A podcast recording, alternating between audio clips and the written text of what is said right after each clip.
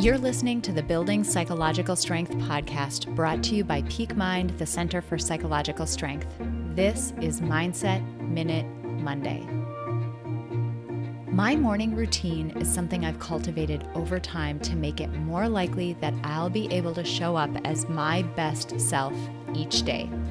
And I recently added an element to it that has really transformed the way that my days feel. And it is something that is so simple.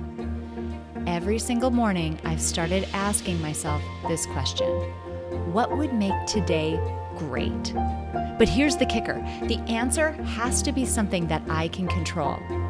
Of course, signing a new client, or nice weather, or well behaved kids would be absolutely great, but I can't control those things, and I don't want to leave my great day up to chance.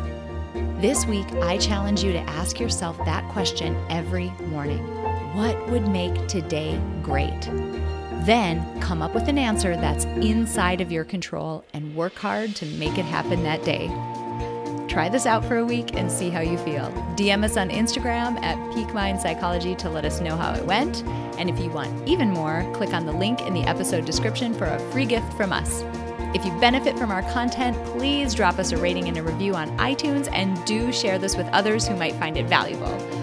We'll see you next week for another Mindset Minute Monday.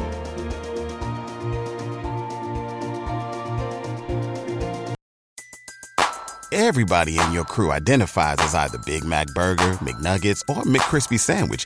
But you're the filet fish Sandwich all day. That crispy fish, that savory tartar sauce, that melty cheese, that pillowy bun. Yeah, you get it.